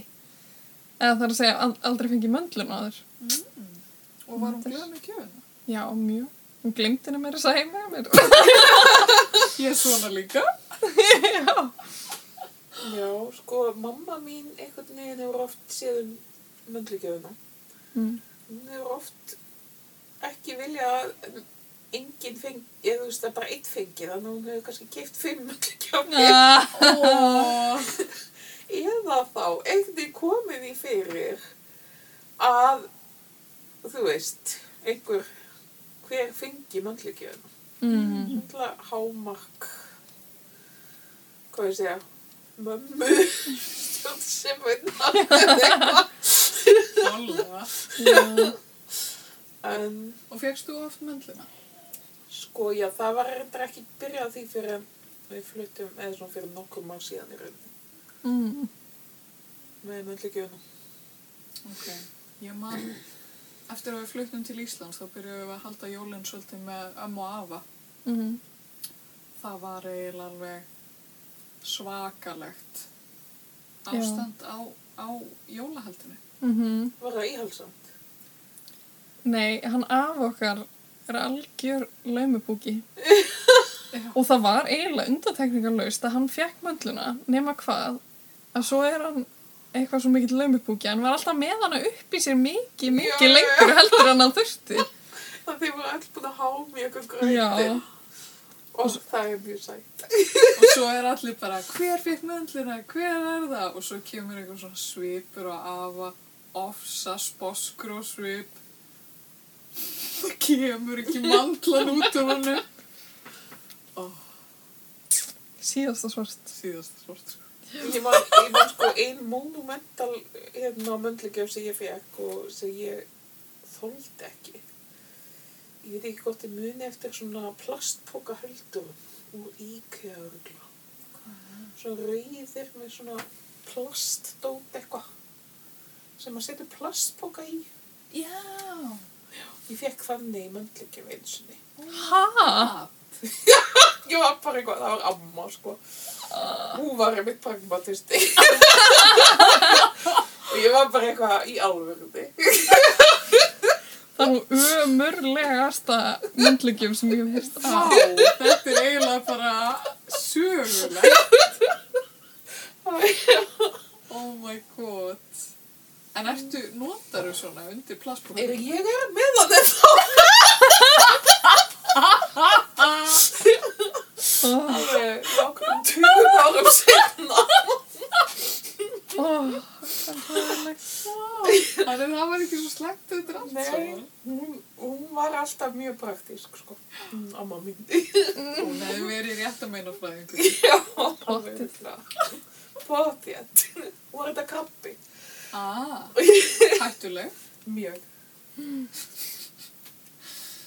Ah. Já. 7. nóvember, það er svolítið merkilegu dagur í sögunni, mannkissögunni. Algjörlega og já, fyrir það fyrsta er það náttúrulega rúsneska byltingin en síðan það síðasta sem gerðist bara núna 7. november fyrir þreymur dögum Já, var að Trump hérna, er ekki lengur fórsetið bandaríkina. nákvæmlega. Eða við fengum allavega þær fregnir að hann myndi ekki vera það meir. Já, Svo það var alveg, já, ótrúlega góða ammælisku. Já. Frá Oh. Og- heiminu. Já, síðan á Joni Mitchell líka ammæli Ok, en Á- sem er líka Algjörlega gjöf frá uppáhalds. heiminum. Já. Og eina mínum góðu vinkunum, Sigga, líka Amali. Marie Curie, Já, einmitt. Albert Camus, Ok. við uh, Hard hitting. einhvað fólk sem ég þekki ekki og svo Lordi. Já. Hljómsveitin. Ah, Nei, hún German? hérna frá Nýja-Sjálandi. Ekki finnska Eurovision. Nei. Þetta er 311. dagur ársins. Og það eru 54 dagar eftir á árum. Óhugavert. Mm. Mér varst alltaf mikil send hérna, að vera fætt svona sent á árunu þegar ég var yngri. En- Fannst þið það? Já, mér varst það mjög erfitt. M- Vildi alltaf að ég væri á, sko, orðin eldri en allir hinnir. Já. Svo var það erfitt náttúrulega þegar ég, já, mátti ekki kjósa. Þegar Já. ég var að verða 18 ára, hvort það voru þrýr dagar í að ég er það 18 ára og kostningarnar fyrir, nú mann ég ekki, ríkistjórn eða eitthvað Já, um, voru mátt ekki kjósa en núna er ég sátt með það ok. það er ekki mikið fengi með því að vera eldri núna Nei, ég get svo sko sagt þér það. Heyrðu, en Þetta er svolítið merkilegt líka að þessi dagur er akkurat á miðjunni, sem þetta á haustinu. The midpoint of autumn in the northern hemisphere. Aha. Ó. Við vorum einmitt að tala um hvað væri haustlegt. já, mér finnst vanlega eins og þetta sé vetrar mánuður en svo einhvern veginn núna það er ennþá haust og steinseljan sem við erum með út í garði er ennþá sprellefandi þetta var tölvöld Já. Dular fullt. Það Mhm. er einmitt málefni sem á okkur finnst gaman að fjalla. Það, það, það er eiginlega svo mikið sem gerir 7. november, það er eiginlega magnað. Uh, ég Hvert bara, var- þú veist, við getum örgulega haldið sérstaka, já, við erum sérstaka þátt bara um 7. november. Ef við hefðum verið forsjálið, þá hefðum við kannski gert það bara. já, En getur ekki sagt okkur frá bara einhverjum öðrum þætti sem þú hefur séð? Já, hérna við vorum að tala um ég er mikill Miss Marple aðdáðandi Ah. Já. og það er einn þáttur sem stendur svolítið upp úr um konu sem heldur að hún hafi svo sagt, fæðst og allist upp á Indlandi bresk kona Já. og hún flytur til Bretlands áður en hún ætlar að gifta sig í eitthvað hérað sem hún er frá væntanlega Klamitsómar. Já, öruglega midsommar. Mm. Nema hvað að hún ætlar að kaupa sér hús og bendir á eitthvað hús og finnst einhvern veginn örlögin hafa leitt hana að þessu húsi. Og hún fer inn í húsið og hún ætlar að innrétta húsið og vill svona og svona veggfóður og hurð hér, gera gata á veggin, eitthvað svo leiðis. Svo fær hún yðnaðamenn sem fletta af veggfóðurinu og þá kemur í ljós nákvæmlega veggfóðurinn sem hún hefði í huga. Og þegar það er alltaf að fara að opna gata milli herbergja þá var hurð nákvæmlega á þessum stað. okay, sem var búið að þetta er veggfóðra yfir. rosalega duló. Já, og hún fer að halda að hún sé skip. Nefna hvað að sagan leiðir í ljós. Ég man nú ekki alveg hvernig hún kemst að þessu. En kemur í ljós að hún bjóð þarna sem barn og stjúpmóður hennar var myrt í þessu húsi. Nefna hvað What? Já, því var haldið fram að þessi stjúpmóður hafi bara hlaupist á brott með einhverjum manni. En hún man sem sagt eftir morðinu og það rifjast allt upp fyrir henni þegar hún býr í þessu húsi. Þá hefði það sem Það sagt... hlýtur að vera eitthvað hérna í- að hanga þetta kring. Já, hún er svona hjálpin að komast að. Hún náttúrulega trúir ekki að hún sé skikn eða neitt svoleiðis og fer að gramsa í málum og, og þá kemur þetta í ljós. Svo sagt að pappinar hefði átt konu sem bara í raun og veru hvarf. Já, þetta verðist, þeir eru allir þetta sameilagt, þessir leynilöku þetta, Mm. að þeir eru pragmatistar. Já. Þú veist þessu Barnaby og Poirot Mhm, og hana Miss Marple. Þeir bara, þeir trúa aldrei, já, nei, já, ummi, draugur, aha. Mm Þannig að þetta er kannski eitthvað sem þú getur leitt hugan að í þínu svona Innra lífi. framtíðar uh, ef þú vilt gerast leiðinlag þú veist, þú verður búin að komast að ég á pragmatisti -hmm. og sportdrykk fólki og þannig að hún skilur kannski ástriðuna. já, einmitt. þetta er, ég, ég held við séum búin að finna því fullkomna starf fyrir þau Já, en spennandi. Svo Ég það- kannski orðið rétt að menna fræðingurinn bara í alvörunni. Mm. Svo þarf maður líka ekkit endilega að vera lauruglu maður eins og, eins og Miss Marple, hún er bara gömul kona að atvinnu. Gömulega. er hún alltaf að velrið akkur er er ég alltaf að hugsa um velrið Hún er ekki mikið að velvita, hún er alveg að prjóna. Já, skrifa svolítið bref líka. Svolítið Já. að skrifa bregð. er það lægið, er það eitthvað svona glik, glik, glik, glik, glik Það getur verið. nei, ég er bara, vá Hvernig er lagið? Ó, ég man ekki hvernig lagið. Nei, heil minn er uppfullur af hérna Midsommar Murders læginu Já. þess, þess dagana. Já, ég, ég, ég bara man, ég man eiginlega bara Poirot hérna ingangin. já, ég var einmitt að horfa á hvar Poiró um elgina Ok. Já. fyrsta lagi það er það sem við aldrei fólk gera um helgar en öðru lagi er að það sem allir gera um helgar núna að því það er þetta fucking COVID Það er ekki hægt að gera neitt annað. nei, þannig að hvað, hvernig allir áhafið sé á rúf þessa dagana, ég bara Það spyr er mjög gott. Já, Sérstaklega þegar þeir eru að sína Poirot, held ég. er það ekki? En hvað finnst þér um Poirot introið? Mér finnst það svo ógeðslega skemmtilegt. það, já, það Mm-hmm. er mér svona stað geometrísk form já. sem einmitt. fljúa svona og svo er Poirot hana með hattinn og... Mjög mikið drama. ég, ég, ætla, ég ætla aðeins að pröfa hérna eitt þemalag Er þetta margúl? já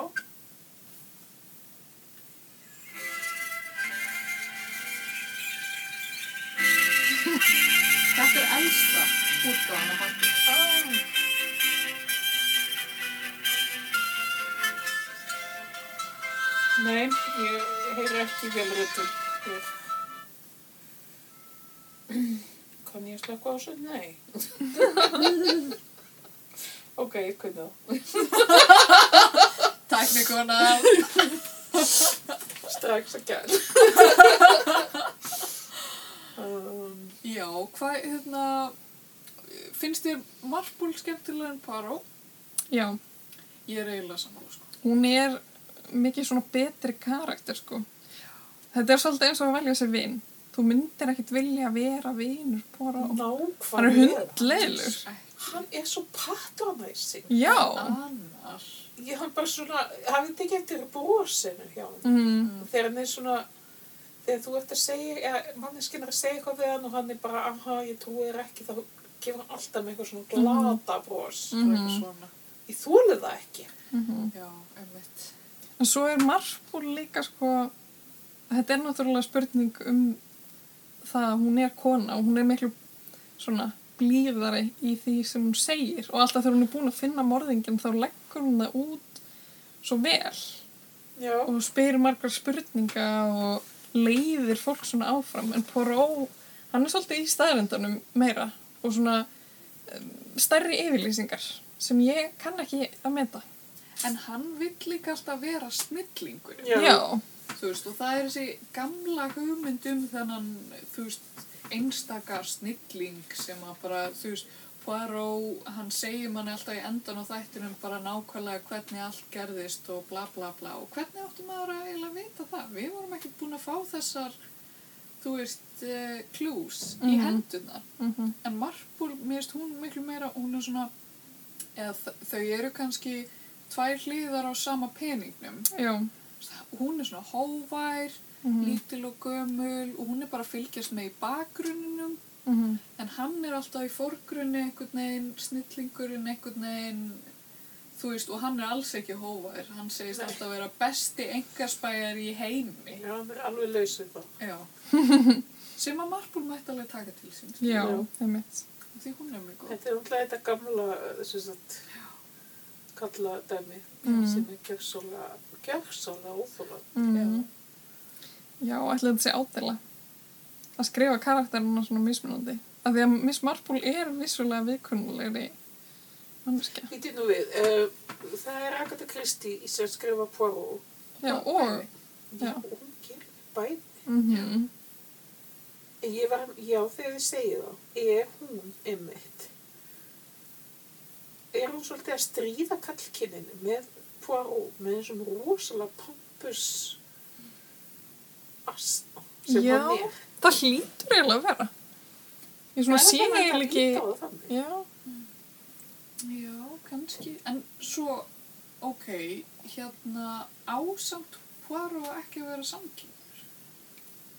Er hún ekki bara Mhm. belgi?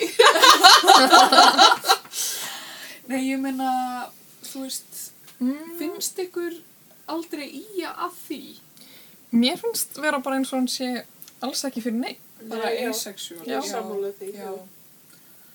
Hann líka hefði ekkert gott að, því að vera í sambandi. Nei. Gott. Ég held að hann sé sjálfskinniður, Já, svona egocentriskur. Já. mögulega. Geti það verið? Já, það er kannski frekar. En, en þessi vinur hans, hann Hastings, Mm. hvað, hvað er hann? Af því hann er alltaf með honum. Býti hver er það aftur? Það er- Löggan. Nei, það, er- það er maður sem er alltaf að hjálpa honum að aðstofa hann. Vá, hvað ég bara hef ekki tekið eftir hún. Ok, hann er ekki alveg í öllum þáttunum. Mm. En hann er mjög ofta að hanga og lesa blaðið inn á skrifstofunni hjá Poirot. Mm. Ok, er það eitthvað svona vísun í Sherlocku? Já, það hlýtur að vera. Svolítið. En þetta er sem sagt þessi, Já. Arthur Hastings. Ah, Hann er nú aðeins myndalegri en, en Poirot sjálfur. Já, ég veit. Og svo er hann David Sutset sem leikur Poirot. Hann er ekki franskur. Hvað finnst ykkur um það? Belgisköld meinar. Og ekki belgiskur Já, heldur. Hann er bara sko. breytið. Já, hann, mér finnst, mér finnst hann reyndar leika reyminn svolítið vel. Já, Og hérna, svolítið outrageous hreimur. já, af því að breytar eiga úaslarið með að leika franskan reym. Hmm. Eða þú veist, þeir reynir að gera þetta alveg vittlust alltaf. Mm. þú veist en hérna Kenneth Branagh leik Mm. Poirot í svona bíómynd Ok. Mm. og sem við fórum á og hérna í bíó Býtu, er þetta hann að... Orient Express Oh my god, hvað hún var léleg. já, ég var Þetta bara ég Hræðileg var- mynd.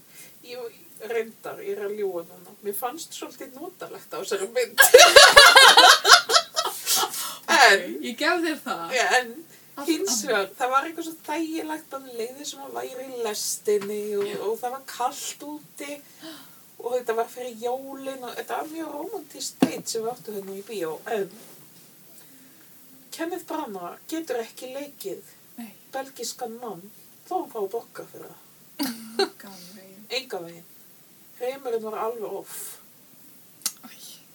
Það var bara allt... Það var svo margt off við þessa mynd. já, eða þú veist, og nei já og nei, eða, mér finnst aðra hann vera off Já. Mm. Allt hitt var kannski að virka ágætlega svona. Kannski var það bara að ég var í þannig skapi. Já, það, það náttúrulega lítar svolítið upplifur mann sem maður er eitthvað að hafa það notalegt eitthvað fór eitthvað deitt og hafa gaman og Já, Mm. og já, popp og... já. En Fórst þú á hann í bíó? Nei, Nei. nei, ég horfði bara á hann í tölvunni. Mm. Það er svona svolítið annað náttúrulega. Ég hugsa, ég, ég hrifst alveg með þegar ég fer í bíó og Mm. það er betri upplifun sko að horfa á mynd í bíó. Já, Já. Það, það getur við bara. Og sko reyndar, myndi ég segja oftast meðan ég er að horfa á myndir þá finnst mér þær nokkuð góðar. Mm. að þú veist, ég er frekar svona hrifnæm og hérna og ef þetta er einhver svona lítill heimur sem ég get stíð inn í þá er ég bara svona svolítið þar meðan ég er að horfa Mm.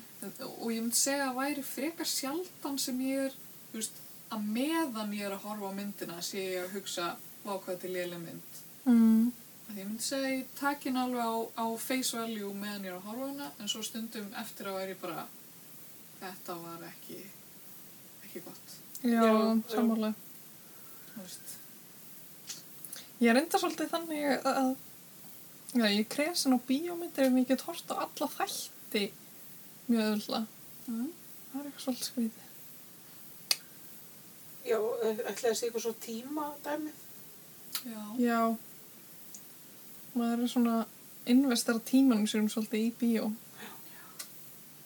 Fær svolítið innrúlokun að kent stundum. Ef myndunar er ekki nógu góðar, sko. Einmitt. Já, mamma okkar sagði reyndar flega setningu einhvern tímann og vild, vildi reyndar ekki gangast við því þegar ég var að rifja þetta upp fyrir henni en hún sagði svo fyndið við okkur að því að við erum nú ofta að horfa á sjónvarpið játa það hér með eh, en hérna við erum einhvern tímann að horfa á sjónvarpið á, á einhvern mjög skemmtilegan og áhugaverðan þátt eflaust þá, þá segir sko mamma ég trú ekki að ég hef alið börn með svona slæman sjómasmekk með svona slæman smekk á sjómasmekk Við höfum eflaust verið að horfa á Gilmore Girls ef Já. út í það Oh er my farið. god, ég elskaði þennan þátt. Mhm. í alvöru, Já, ó en gaman þetta er eitthvað rosalega góði þætt. þeir eru fáralega Ég horfði verið að sjá allar seríuna aftur þegar ég kom á Netflix með dóttu minni. Ok. Okay. Ég er að ala upp sem hann sem ekki að dóttu minni. frábært Og það er rosalega gott handrit. já er það, Í þessu þætti, ég er ekki einu sinni að grínast. ok Þetta er alveg svolítið vel unnið, sko. Mm. Þetta er ekki, já, við, hérna, við höfum mjög gaman að þessum Mm Og ég menna það er svo spennandi líka því þau búa til þennan nýja bæ í bandaríkjunum og þetta er allt sett. Og þetta er alveg reysa stort dæmi. einhvern getur veginn. maður farið þangað Já. Ég sá það í Ellen. Sjó. ok, Já. vá, Hún fer í heimsókn í Stars Hollow. vá, það er svolítið maður vá, við karum þangað. Mm. Ég man sko að þegar voru nýflutt til Íslands einmitt, að þegar vorum að tala um Malawi árin, að hérna, þegar voru nýflutt til Íslands þá byggum við í smá tíma hjá Amma Ava, út í bílskurðum hjá þeim og hérna og ég og mamma horfðum mjög gætnan á hérna mæðgurnar.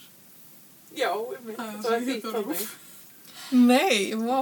mækurnar og hérna það var alltaf þriðjutugum og þetta var svona, svona, svona notaleg stund það var svona svolítið erfitt að komast aftur inn í rittmann sko að hitta íslenska krakka og svona og hérna allir búin að vera í þú veist sama eh, búa á sama stað síðan þau fættust eða eitthvað og þú veist þekkjast og eitthvað og ég var einhvern veginn bara skritin krakkan frá útlöndum þú þekkir þetta má Já, og hérna, en, en svo, svo var þetta á þriðutöfum og þá mátti ég vaka svona eitthvað aðeins lengur og, og horfa á maðkurnar með mömmu, eitthvað svona smá upp í rúmi eitthvað, ég maður ekki, þetta var eitthvað óðanótilegt og hérna, og við horfum alltaf á þessa þætti eða allavega mjög gjarnan og svo svona mörgum árum senna uppljóstur hann því að henni hafa nú aldrei þótt þessi þætti skemmtileg Nei, Þetta er mjög fyndið vegna þess að mamma mín hefur mjög svipað að segja, segja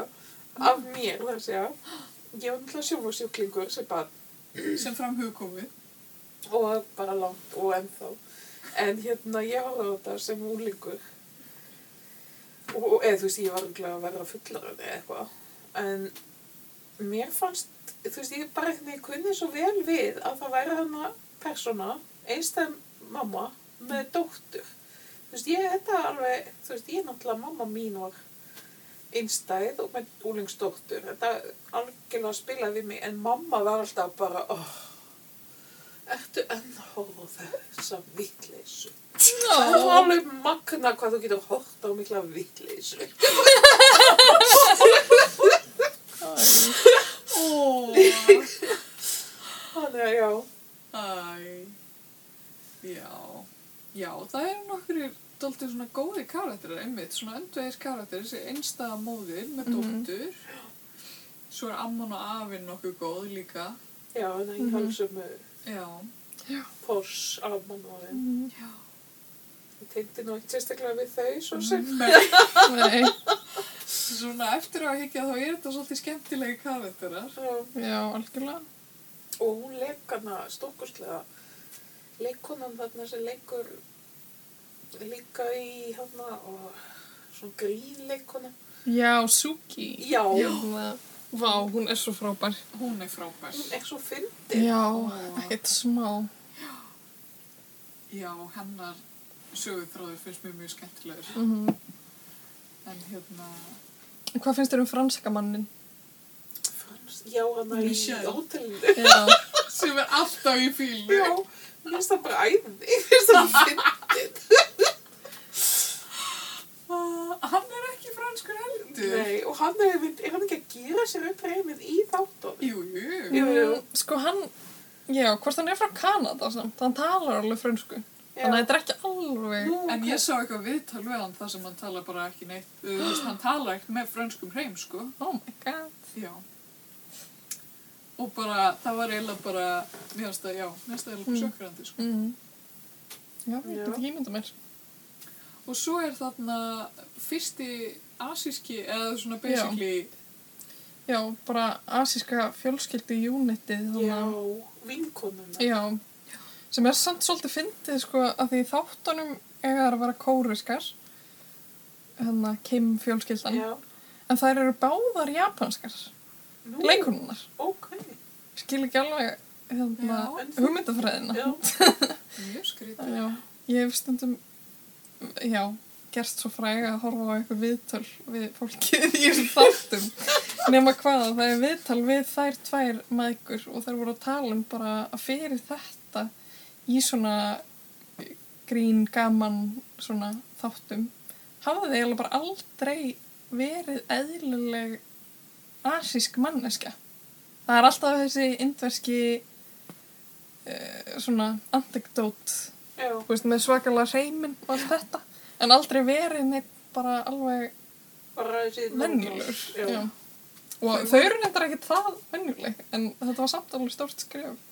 Þá, Kunna, þannig að Mhm. spáði í því. Hvað þetta er seint. já, koma sem þetta er ekki út, hvað, 2005 eða, Þetta er svona, já, 2005? late, Nei, late, fyrir- late 90s. fyrir- fyrir- ég- 2005 er ég einhvers bann. Þú er nú ekki verið að horfa á sjónvarpið þá. ég get komist að þessu. Hvað heitir þetta eftir? Gilmore Girls.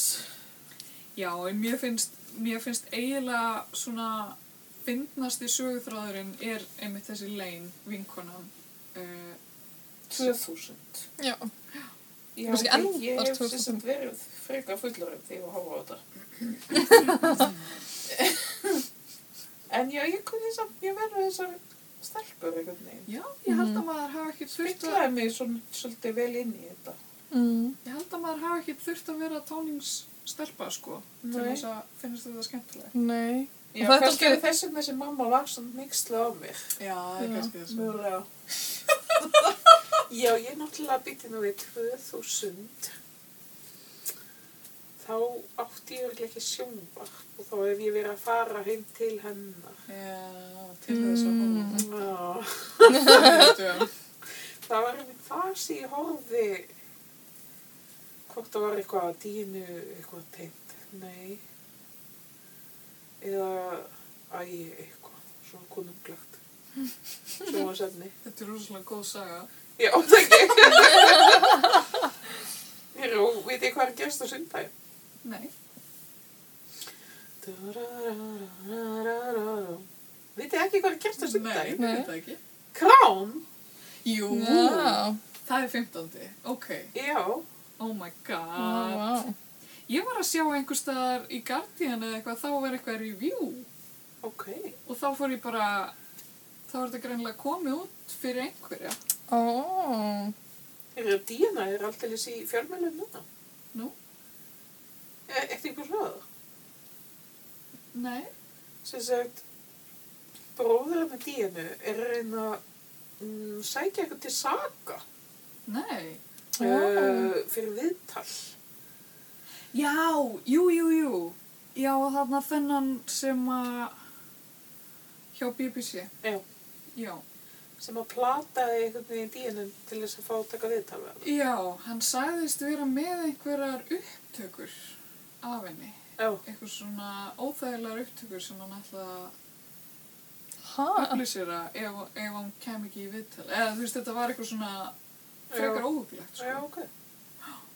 Og bróðurinn sem sagt er að og Ljósa. þe- þetta er allt einhvern veginn núna í fréttan. og það sem bætist ofan á þetta er að þessi tiltekni maður sem sóttur er til saka, hann er með COVID. Já, ymmit. Það Já. var það sem ég hefði frétti. Já. Eh, Þannig að hann getur ekkert verið að svara fyrir sig og eitthvað þannig, hann er Mm. bara einhverstað veikum með COVID. Það var nú heppilegt fyrir hann. Já, þetta er góðu tími ef einhvern tíma. Kannski eru það líka legar. En sem, sem minni mig á það að við, hérna, Móa, við fengum ótrúlega hot tip núna í vikunni frá henni Kötu, vinkonu minni, að hlusta á þátt já. annan podcast sem að við mælum alveg ógæðslega með sem að fjalla um díunu. Ég er, búin, er einmitt búin að vera að hlusta. Og þetta er ótrúlega gott efni. Alveg svakalega. og þetta heitir You're Wrong About og hérna þau eru búin að gera þetta er sem sagt uh, kall og kona sem eru þarna eitthvað fjallum eitthvað alls konar en þau eru búin að gera fimm Er þetta þátt kalla kona? Er þetta ekki tvær kona? Nei, er það? Nei, Jú, það er tvær konur því ég var eftir að hugsa, já, ein er yngri og ein er eldri, alveg eins og ég og nei, nei, nei, hann heitir eitthvað kallmannsnafni þú. Ok, hvor? Kallinn? Ég, nei, hold nú op með disk og þetta er ekki... Ástís, ert þú búin að hlusta á þessu- þetta podcast? Nei, ég veit ekki eins og hvað það heitir. You're Wrong About, ég var að segja það Já. Þetta eru sko, já, allavega, þetta eru rosalega góður podcastar um, hérna, fimm Sem eru þættir. mjögulega tvær konur eða kalla Þetta er kalla kona. Mike, hann heitir Mike, kona. Ok, Mike og Sara. Mike, það er sko kallmannsnafn. nú, Mm. Mhm. segið svo þetta er mjög finna sögu. Ég var einu sinni í gamla dag, þá var fólk alltaf að skrifa svona pennavinum. Ok, Ég átti pennavinn út um allt Frakland ok, og að ég sendi auðlýsingu í svona blað í Ok. Fraklandi, svona barnablað. Ég fekk alveg bara skriljón bref tilbaka og það var gæðið gaman og ég valdi alveg nokkur og sendi hellingabrefum. Og það var hann Emanuel, eða hún Emanuel, frá Marseille, sem ég var að skrifast á við, bara eitt, tvö ár. Svo var ég að fara til Marseille og segi bara við Emanuel, vinkonu mína, eða pennavinkonu, að ég sé að koma, hvort að hún vil ekki hitta mig. Og bara já, ok, og sendi mér símanúmerið sitt og svo kem ég til Frakland, svo ringi ég hana og þá kemur hann, Emanuel, í síman oh my lord, og ég er 15 ára og ég er náttúrulega dó. Það var einhvern veginn að penna vinkona stráks í tvo, tvö ár sem ég held að vera stelpa. þannig þetta er ekki nýtt vandamál fyrir þig. Og þú veist, og svo þurfti ég að fara hýtingun og gæsla bólugrafin franskan Immanuel. Oh, en Og fyrir, þetta var svo vandræðalegt. Oh, fannst þú honum þetta vandræðilegt líka? þetta var svo vandræðalegt að þú veist, við vorum einhvern veginn bæði að reyna að hverfa. Þú veist, í, inn í jörðina. Kannist ekki við svona. Jú. Jú. Já. það var ekki að gera sig.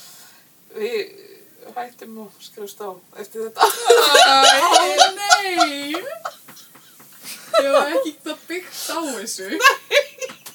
Sem sagt, Æ, þessi fransku nöfn er svo óþólandi, þú veist, það er hægt að heita Emanuel Já. Mm. með einu elli, þá ertu bara strákur og eða með elli, tveimur ellum og eði, þá ertu stelpa. Já. Og það er alveg eins með Michel og, og alls Já. konar. Og ég er náttúrulega bara asni, Ó guð. átakalegt. En ég er svo samfær um þetta sé kona kona. Móa. Ok, þú googlaði þetta bara. Já, ok, Ég finnur prívatlíf. já. Ég ætla að gera það þá. Þetta eru mjög góði podcastar sem að allir ætti að hlusta á allavega Díónu-seríuna. Þau gerur sko fimm þætti um Díónu.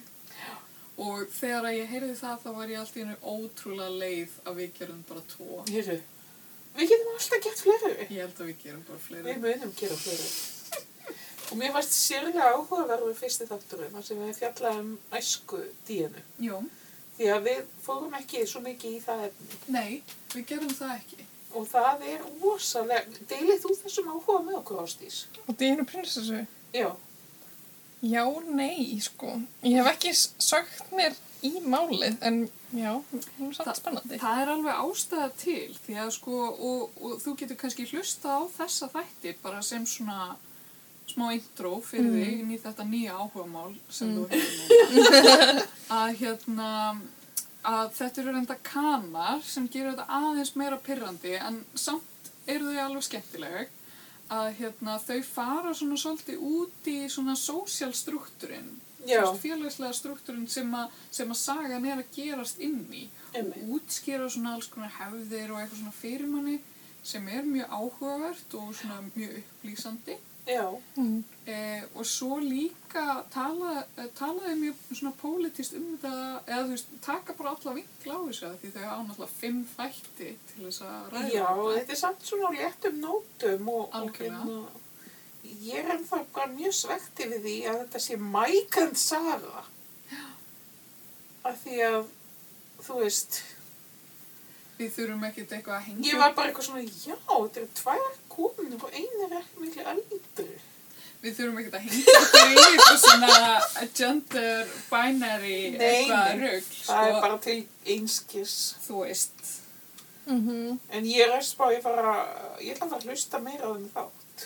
Já, ég er nefnilega búin að vera að hlusta líka á nokkra aðra þætti sem þau hafa gert og bara haft mjög gaman. af. Hérna er þáttur um Courtney Love sem að ég er miklu aðdáði. Þau gera, þau gera líka þætti um þarna skautadrottninguna sem lét brjóta fætuna á keppinaut sínum, Ah. þannig að 90s. Og Mariam Toinette, Mariam Toinette ástís, var líka Mm. mm. spóldryggi. Ok. Hún var reyndar fætt telt í annan eða þriðja november. Ok. Það er gott að deila ekki ammálsteinu henni. Ég var, ég veit það ekki, ég held að hún sé kannski svolítið miskilin. Ok. Þú getur hlusta á þáttin. Hérna, Já, hún er fullkóla miskilinn. Mm. Mæli með æfisöðinu hennar, sko. Ok. Það er nefnilega að þau fara svolítið út í þetta sko kvennhatur sögunar. Mm. og hvernig það er alltaf rúslega auðvelt fyrir fólk að hata konur Mm. sem, að, va- þótti, sem mér þótti mjög áhugavert svona í, hérna, í tengslum einmitt við Marie Antoinette og, Mm. og svona hennar ímsu eh, konur Já. Já, Sumar, af því að konur einhvern veginn eru einhvern veginn en- engan veginn, hvað ég að segja, uh, leikandur í, í sínu eigin lífi, veist Nei. þér? Mm. og Marie Antoinette var það ekki og það er ekki eins og hún hefur verið konungur þarna Nei, alls ekki. Hún er bara algjörlega leiksópur, uh, þú veist, allra. Mm. Nei, Fjölskyldu og og hefða og allt þetta og hérna eins og þessi setning sem er alltaf sögð eitthvað þau geta bara borðað kökur. Já. Það er ekki einu sinni eitthvað sem hún segði, sko. nei, Mm. Þannig að þannig miskilum Eða Misskilin. ekki það er hérna En það er nú nefnilega- kannski það jákvæða við það að vera ung kona í dag. Eða hvað myndur þú segja? Myndur þú segja að þetta var á undanhaldi ástís? Já, maður getur náttúrulega að vona það. Svo veit maður aldrei. Eins og með Holland eða eitthvað, hvað gerist næst? Já, það er eitthvað mjög góð punktur. Mm. Það er le- mjög umuleg þróun hann í Pólandi. Já, alveg þarst á það sem maður vildi áværi. Já. Þannig að já, það er svona, og á ymsum stöðum bara í heiminum já, algjörlega.